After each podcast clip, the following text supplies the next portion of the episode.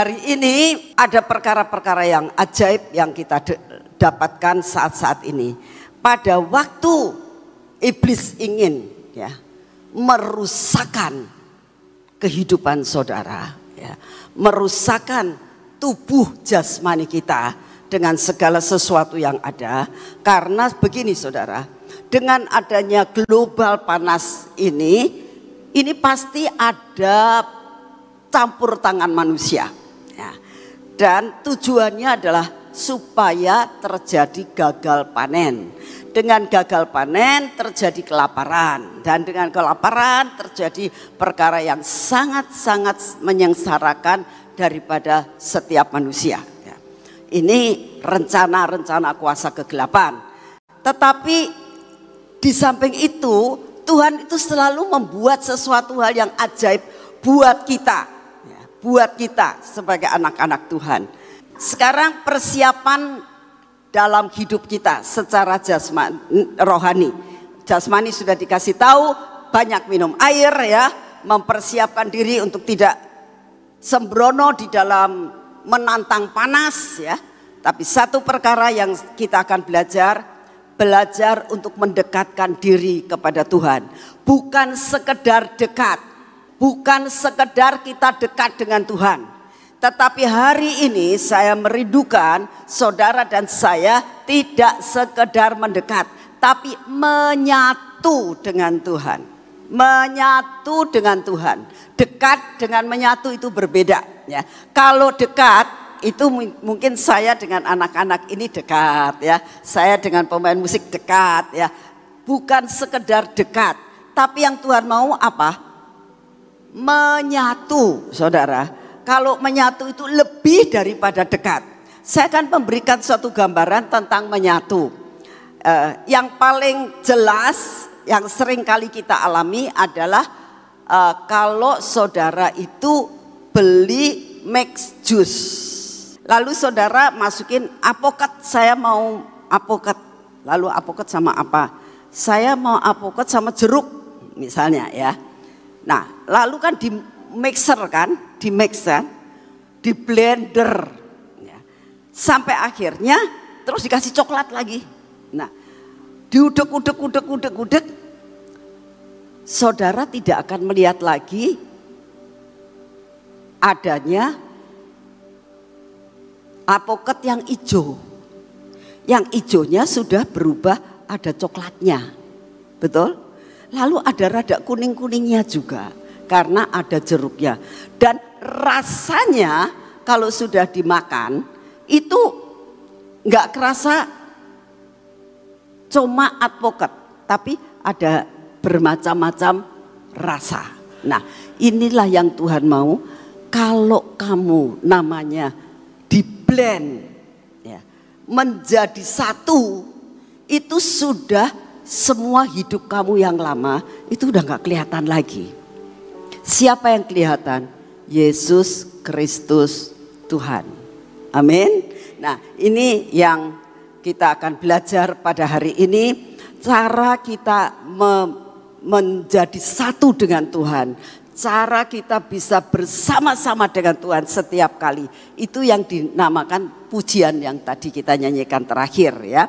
Kita akan Baca sama-sama sekali lagi di dalam Yohanes 15 ayat yang keempat. Ya. Firman Tuhan katakan begini, tinggallah di dalam Yesus. Dan Yesus di dalam kamu. Ya. Jadi tinggal di dalam bukan di luar ya. Tinggal di dalam Yesus, Yesus di dalam kita. Sama seperti ranting tidak dapat berbuah dari dirinya sendiri kalau ia tidak tinggal pada pokok anggur. Demikian juga kamu tidak berbuah jika kamu tidak tinggal di dalam aku. Seperti pujian tadi ya. Nah sekarang persoalannya adalah kita ini tinggal di dalam Yesus maksudnya gimana? Yesusnya nggak kelihatan sekarang ya kan? Kita nggak bisa ngelihat Tuhan Yesus ada di mana sekarang. Tapi satu perkara kita tahu. Roh Kudus tinggal dalam hidup saudara dan saya. Amin. Roh Kudus tinggal dalam diri kita. Nah, Tuhan katakan Yesus itu firman Tuhan. Ya. Jadi maksudnya firman Tuhan itu harus masuk di dalam diri kita, ada di dalam diri kita dan diri kita ada di dalam firman Tuhan. Maksudnya bagaimana? Prakteknya bagaimana yang dikatakan seperti itu? Prakteknya adalah begini. Kalau saudara baca firman, ya kan? Begitu baca, mata kamu melihat firman, firman dibaca, itu sebetulnya teorinya itu firman kita terima. Cuma di dalam pikiran. Dari pikiran masuk ke jiwa. Dari jiwa seharusnya masuk dalam hati. Ya. Ada seseorang yang mengatakan begini. Pada suatu saat dia sedang menghadapi sesuatu masalah yang sangat berat. Tiba-tiba di dalam dirinya ada perkataan begini, jangan takut. Aku beserta engkau sampai kepada kesudahan alam. Itu firman bukan? Dari mana itu firman? Dari Alkitab. Kenapa firman itu bisa muncul? Karena firman itu dibaca. Betul?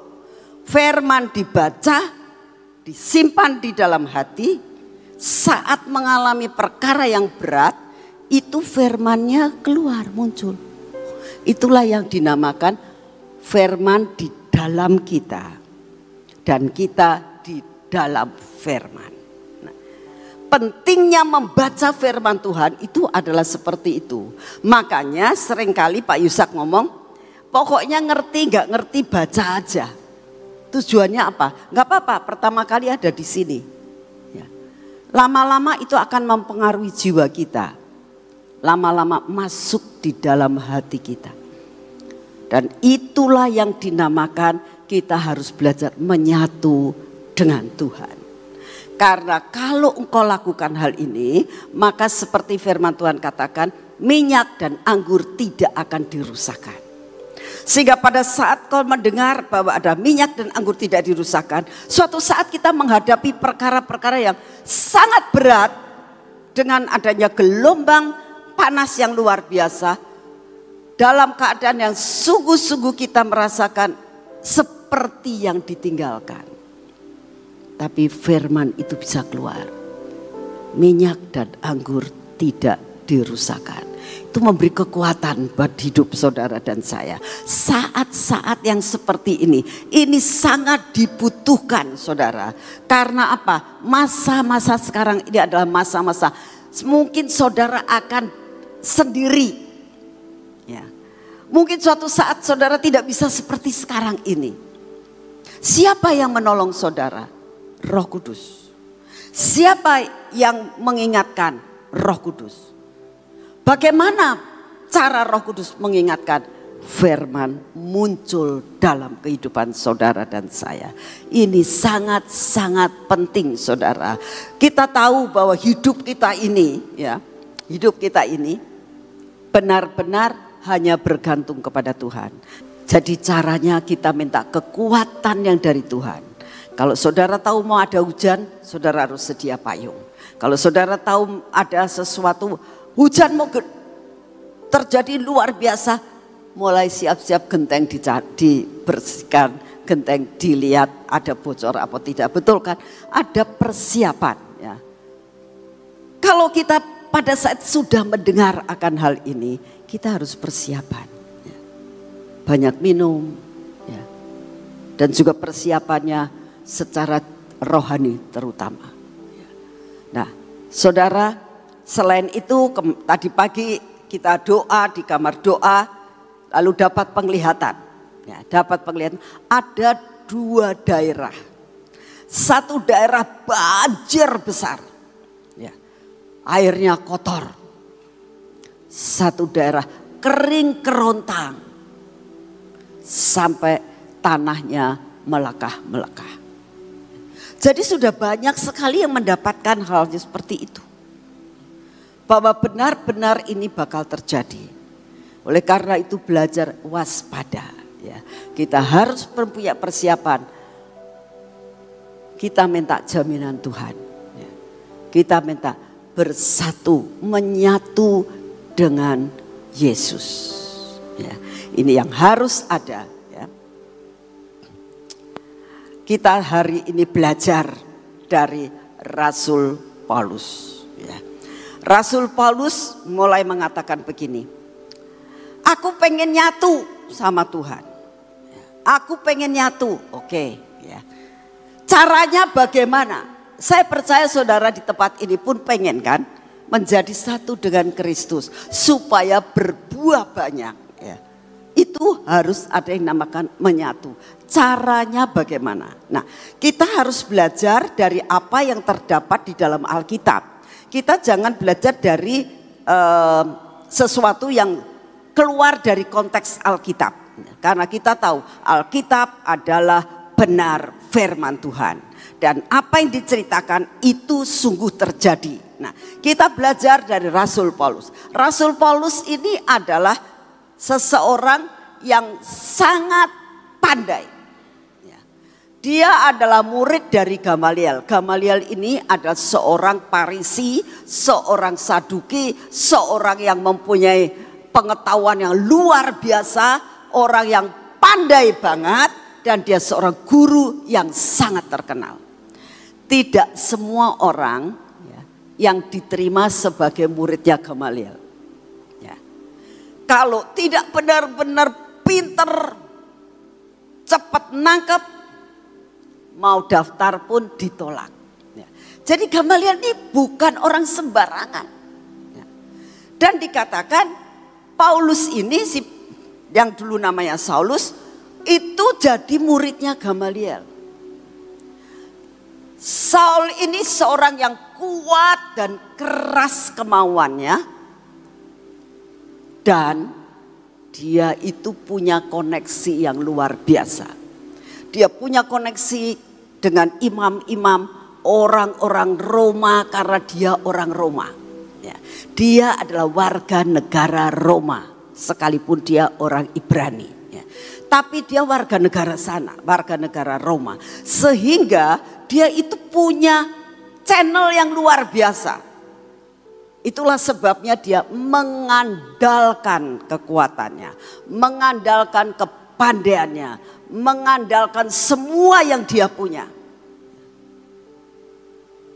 Dia kerja sebagai pembuat kemah jadi dia bukan orang yang nganggur. Ya. Punya pekerjaan, pinter, muridnya guru yang terkenal, ya. kemauannya keras, punya channel di mana-mana. Bukankah itu yang sering kali dikejar oleh setiap manusia? Setiap manusia pengen sukses, setiap manusia pengen nonjol, setiap manusia pengen mempunyai suatu karier yang sangat tinggi dan dihormati. Dan itu ada pada Saulus. Tetapi saudara lihat, dia sesudah ketemu dengan Tuhan Yesus, kita lihat dalam uh, Filipi 3 ayat yang keempat. Firman Tuhan katakan gini, sekalipun aku juga ada alasan untuk menaruh percaya pada hal-hal lahiriah Aku lebih lagi dikatakan disunat pada hari ke-8. Artinya dia benar-benar mengikuti hukum Taurat dengan sungguh. Bukan asal-asalan, bukan abal-abal. Dia orang Parisi, dia orang uh, yang benar-benar mengikuti semua hukum Taurat. Pada umur 8 dia sudah disunat seperti peraturan yang ada. Coba bayangkan, kurang apa dianya? Dari bangsa Israel, dari suku Benyamin, orang Ibrani asli, tentang pendirian terhadap hukum Taurat, aku orang Parisi. Ya, lihat, kedudukannya tinggi, jabatannya banyak, lalu uh, kalau dikatakan gelarnya banyak. Ya. Tentang kegiatan aku menganiaya jemaat, tentang kebenaran dalam mentaati hukum Taurat aku tidak bercela. Kenapa dikatakan tentang kegiatan aku penganiaya jemaat? Karena dia tahu yang benar itu Taurat. Yesus lahir itu tidak ada yang namanya Yesus. Adanya tuh Mesias. Dan Mesias itu tidak datang dari Nazaret. Karena dia taunya Yesus itu orang Nazaret. Makanya dia katakan, tidak datang dari Nazaret, aku tolak Yesus. Itu sesat. Semua pengikutnya sesat. Aku mau melabrak hal itu. Aku mau menganiaya, aku mau hancurkan semuanya. Saudara. Karena dia punya pendirian yang kuat. Dan dia benar-benar melakukan Taurat dengan tidak ada cacat dan celanya.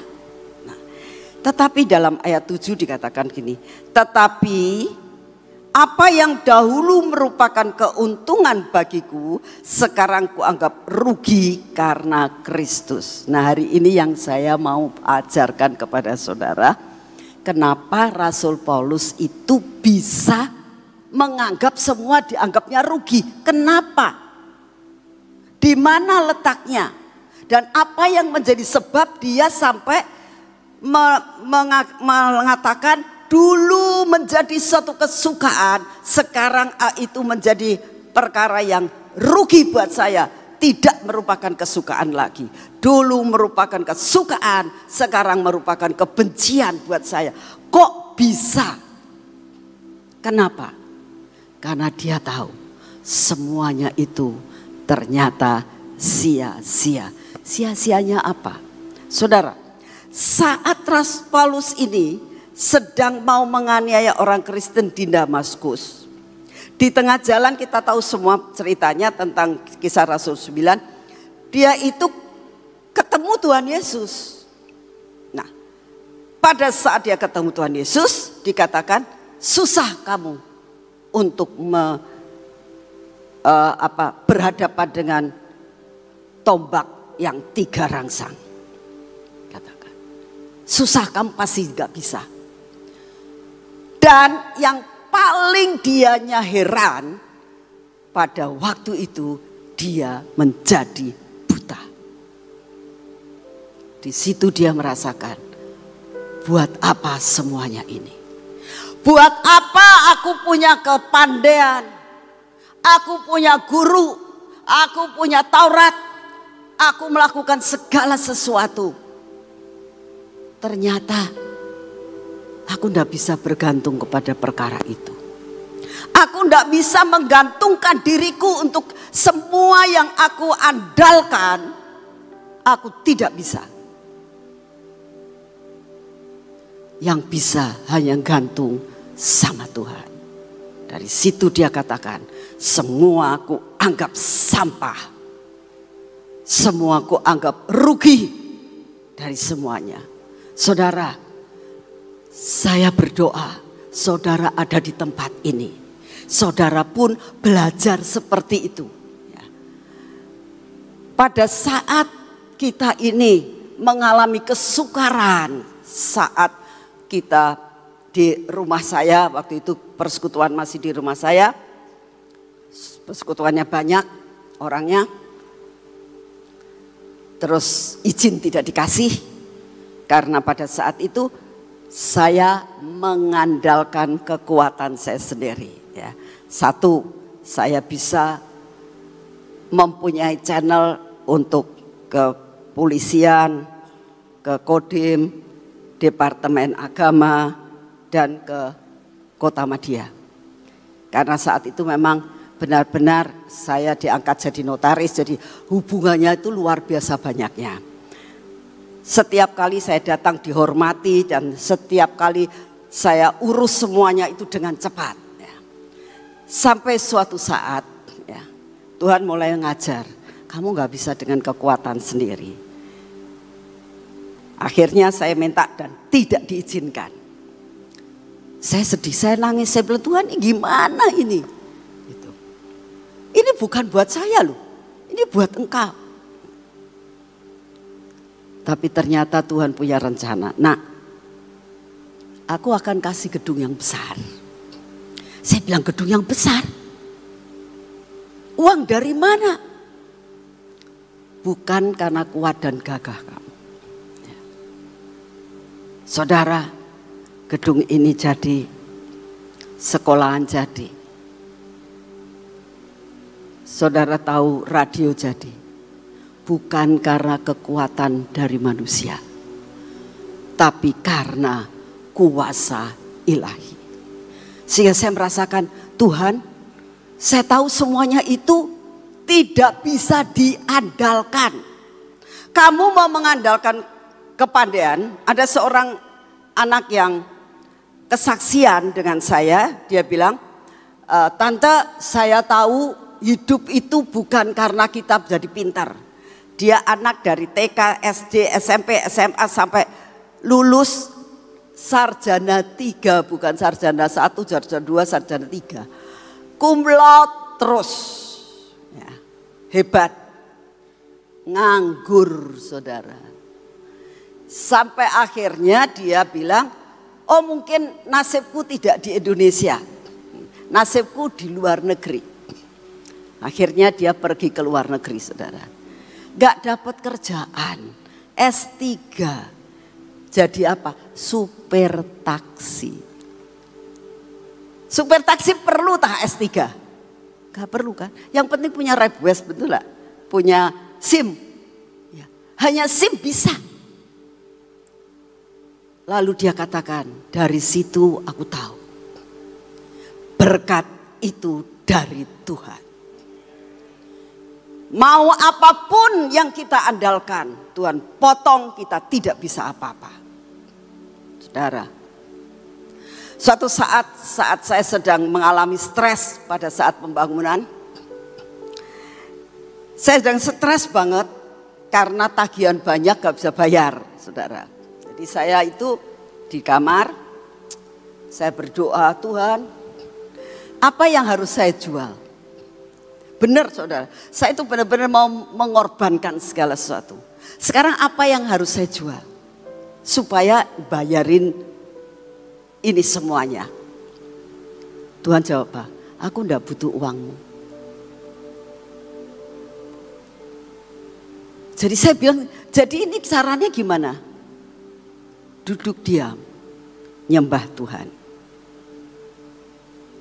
Yang Tuhan mau apa?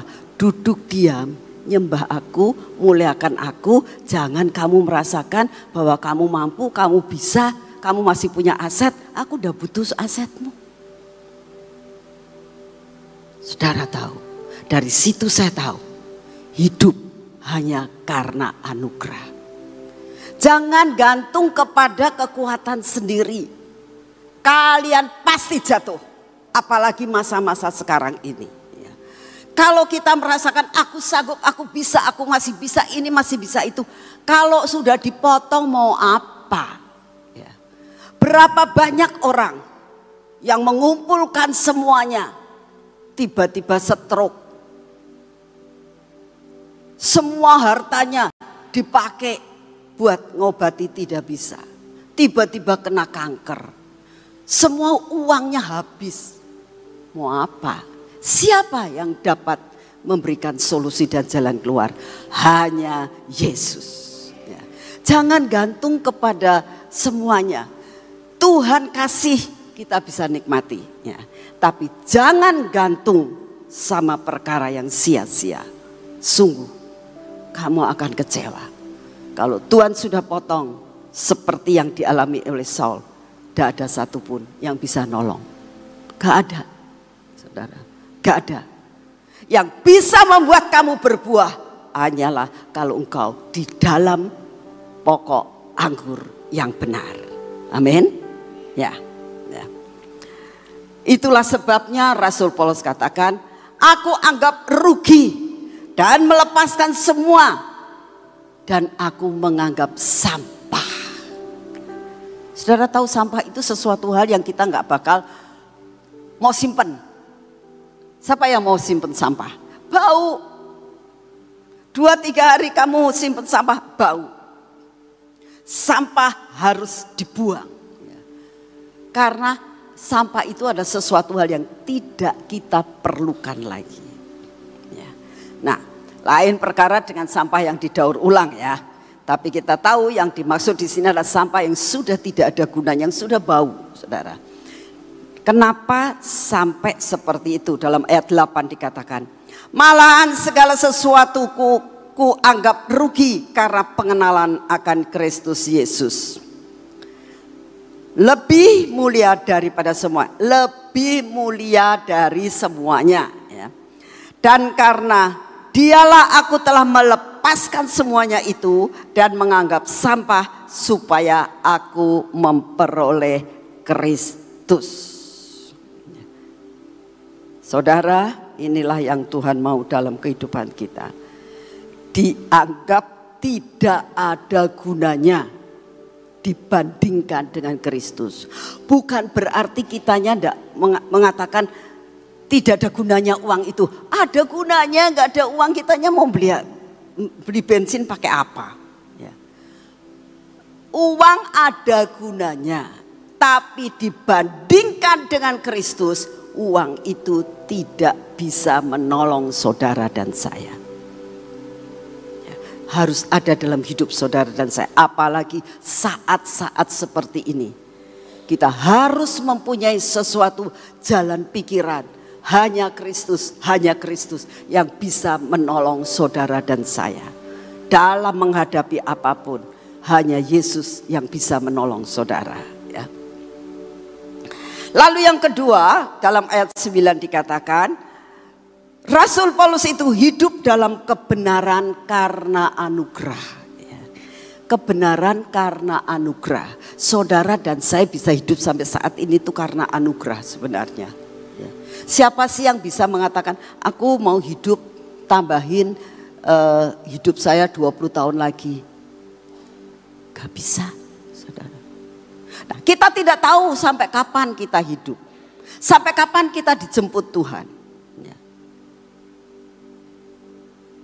Dua tahun lagi, tiga tahun lagi, empat tahun lagi, sepuluh tahun lagi kita belum tahu. Kita tidak tahu. Tapi kita harus tahu bahwa waktunya akan tiba untuk kita akan dijemput. Untuk itu kita harus benar-benar siap. Siap benar. Kapan Tuhan bawa kita pulang. Ya. Dan berada di dalam dia bukan dengan kebenaranku sendiri. Ingat, Rasul Paulus mulai mengatakan, aku hidup saat ini bukan karena kebenaranku sendiri. Sadar. Ya. Aku dulu sangat mengagung-agungkan kebenaranku sendiri. Hidup di dalam kebenaranku sendiri. Ya. Bergantung kepada kekuatanku sendiri. Tetapi sekarang dia katakan, ya, melainkan dengan kebenaran karena kepercayaan kepada Kristus yaitu kebenaran yang Allah anugerahkan berdasarkan kepercayaan. Ya. Saudara, sebenarnya kalau saudara bisa seperti sekarang itu anugerah Tuhan. Saya mau katakan, saya bisa berdiri di sini itu karena Tuhan mengubahkan segala sesuatu. Saya dulunya anak orangnya pendiam. Sekarang sih masih rada pendiam, saya enggak enggak cerewet-cerewet banget ya. Tapi saya tuh pendiamnya luar biasa pendiam. Ya. Saya orangnya enggak peduli sama orang. Ya. Saya orangnya minder, rendah diri, bukan rendah hati. Saya rendah diri. Karena dari kecil ya, saya tuh suka dibully karena saya itu badannya gemuk sekali. Ya.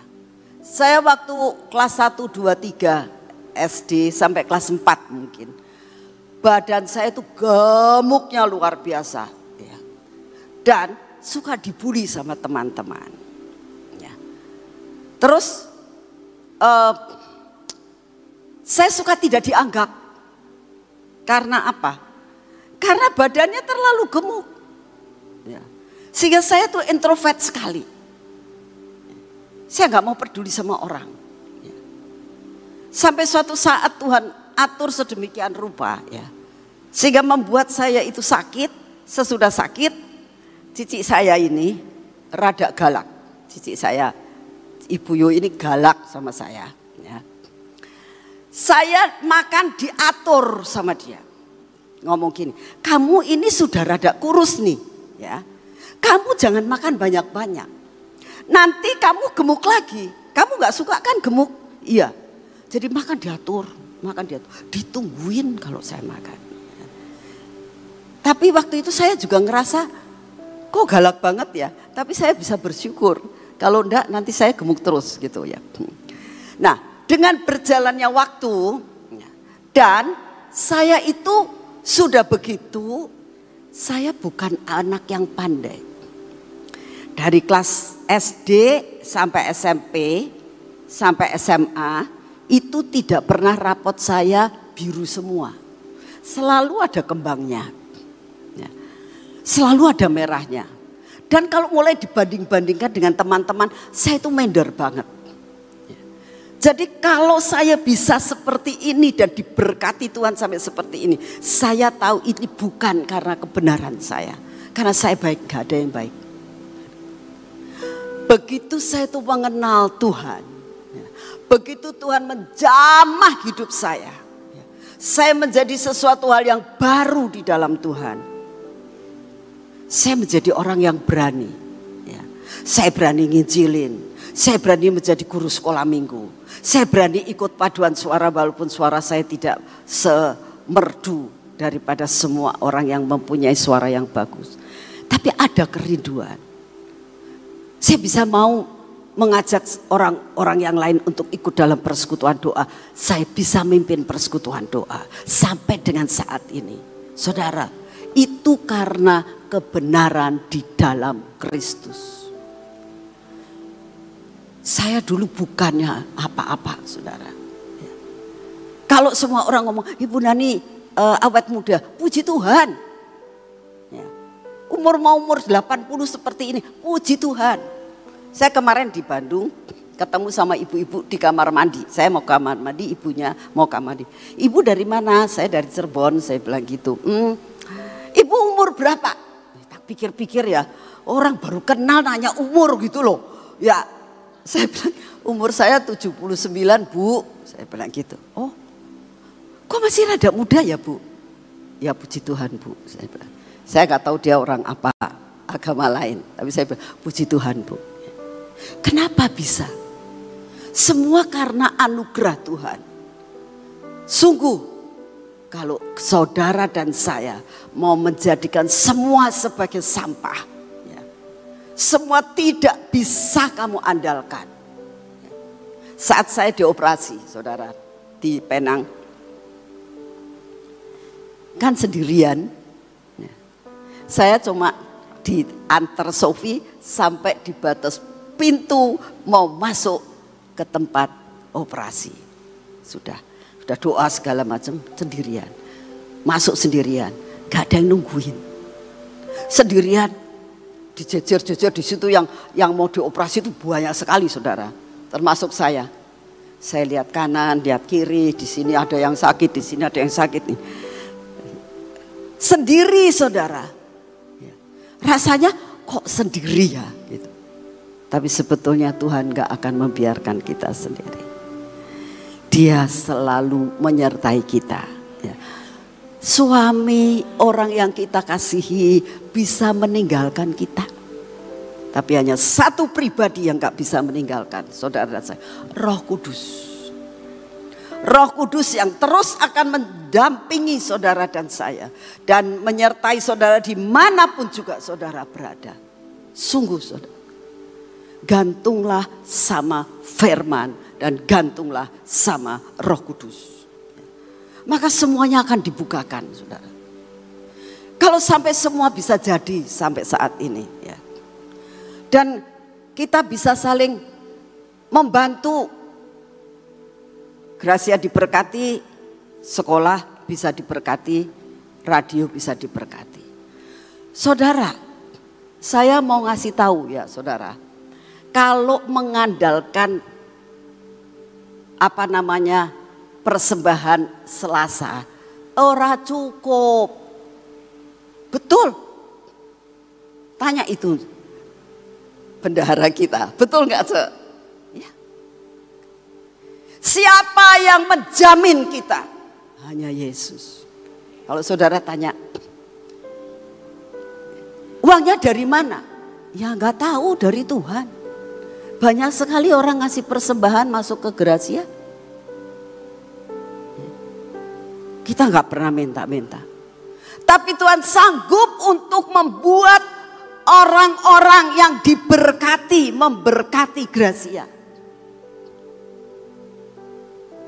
Kita kerja apa? Enggak kerja apa-apa.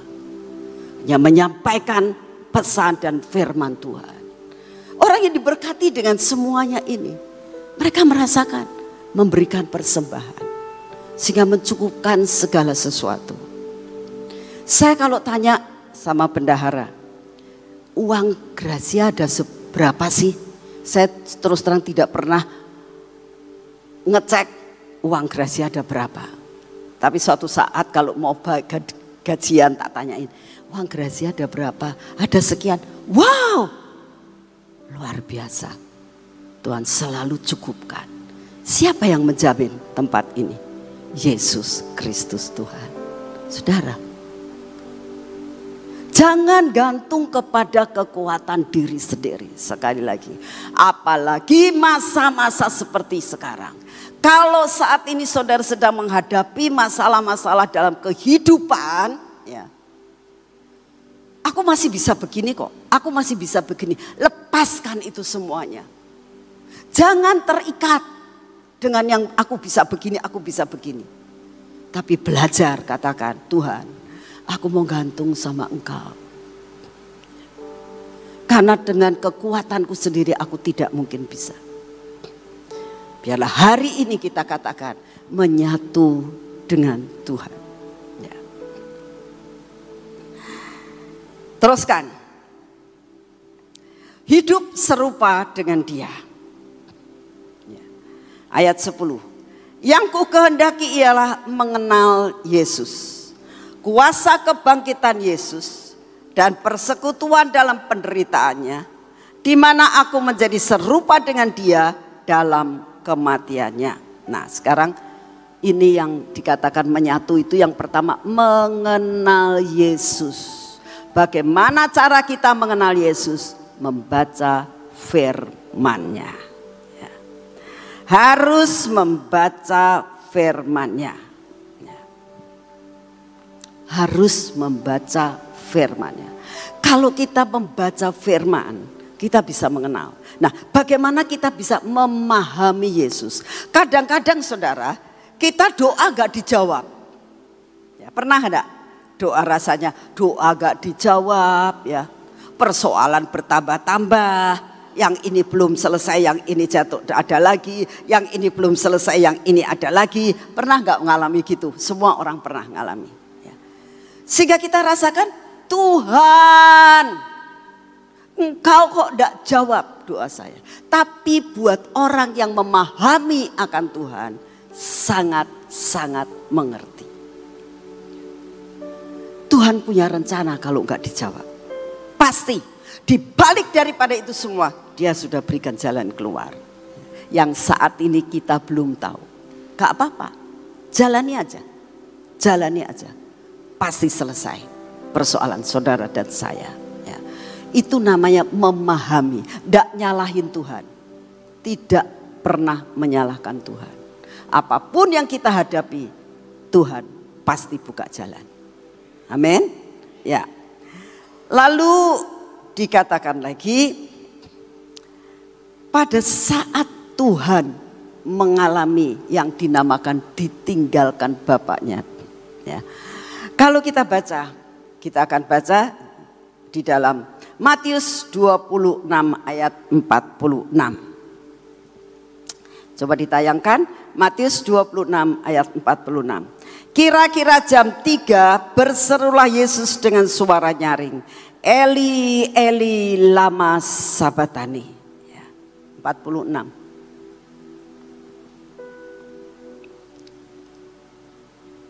Loh, Oh terus terus terus.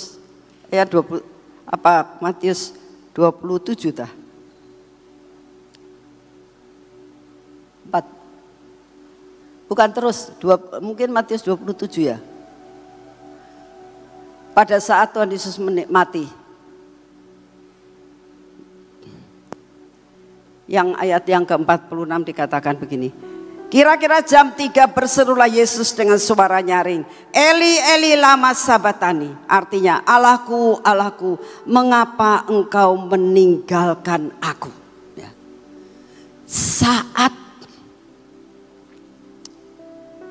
Yesus di atas kayu salib. Dia teriak, Bapak, Bapakku, kok, kok Aku boleh ditinggalkan semua tapi aku jangan kau tinggalkan. Seolah-olah dia ngomong gitu. Aku datang ke dalam dunia oleh karena memenuhi apa yang engkau mau. Sekarang aku ini sudah hampir sampai garis finish. Kenapa kau tinggalkan aku? Seolah-olah dia tuh teriaknya seperti itu. Apakah benar Bapak meninggalkan? Nah. Jadi di dalam hal ini kalau saudara sampai mengalami seperti yang dialami Yesus, sampai seolah-olah Tuhan tinggalkan kamu sendirian. Tidak usah takut. Dia tetap Immanuel. Dalam menghadapi apa pun saat-saat ini. Nanti kalau terjadi sesuatu di mana usaha saudara mulai terganggu ya keadaan kesehatan saudara mulai terganggu dengan adanya global yang panas, gelombang yang panas ini. Tuhan rasanya tidak kuat, jangan ngomong gak kuat. Aku percaya engkau tetap beserta dengan aku. Dia nggak pernah meninggalkan. Lalu yang terakhir ayat 50 dikatakan, dengan suara yang nyaring, dia menyerahkan nyawanya. Sudah Tuhan, terserahlah engkau. Apa pun yang engkau lakukan, ini yang terbaik. Saudara, saat saya waktu mau dioperasi, dokter yang ngomong, Ibu sudah siap? Siap, saya bilang. Ibu percaya? Saya percaya. Saya percaya Tuhan saya akan menyertai saya. Saya bilang gitu. Ibu sudah berdoa? Sudah. Gitu. Saudara, pasrah. Mau dibelek, mau diapain, ya sudah. Tuhan tetap beracara dalam hidup kita. Amin. Jadi apa yang dikatakan di sini serupa dengan dia dalam kematiannya. Nah, inilah yang harus ada dan kita harus mengenal kuasa kebangkitannya. Ya, kuasa kebangkitan itu yang bagaimana? Harus mengalami sampai batu tergolek Yesus bangkit. Kita harus mengalami hal itu. Kalau tidak kita nggak akan bisa dikatakan bahwa kita itu percaya sama Yesus. Ya. Kalau saudara merasakan ragu-ragu, datanglah ke taman, lihat mujizat yang terjadi. Ya. Berbotol-botol minyak ada di situ. Ya. Kadang-kadang keluar darah. Saya kadang-kadang sampai bingung, kok bisa ya? Kenyataannya bisa tuh. Bukankah itu ajaibnya Tuhan? Jadi belajar menikmati keajaibannya Tuhan. Setiap hari. Kalau saudara masih bisa napas. Puji Tuhan aku masih bisa napas. Betul? Gak beli oksigen. Ya. Kalau saudara bisa menikmati makanan minuman dengan baik. Puji Tuhan. Kalau segala sesuatu yang kita alami dengan pengucapan syukur rasanya enteng. Ya. Tapi kalau mengeluh terus menerus tulangnya pada sakit. Benar, pegel sini, pegel situ, ya kan? Tapi kalau kita pengucap syukur, Ucapkan syukur setiap apa yang saat ini kita hadapi. Apalagi kalau panas.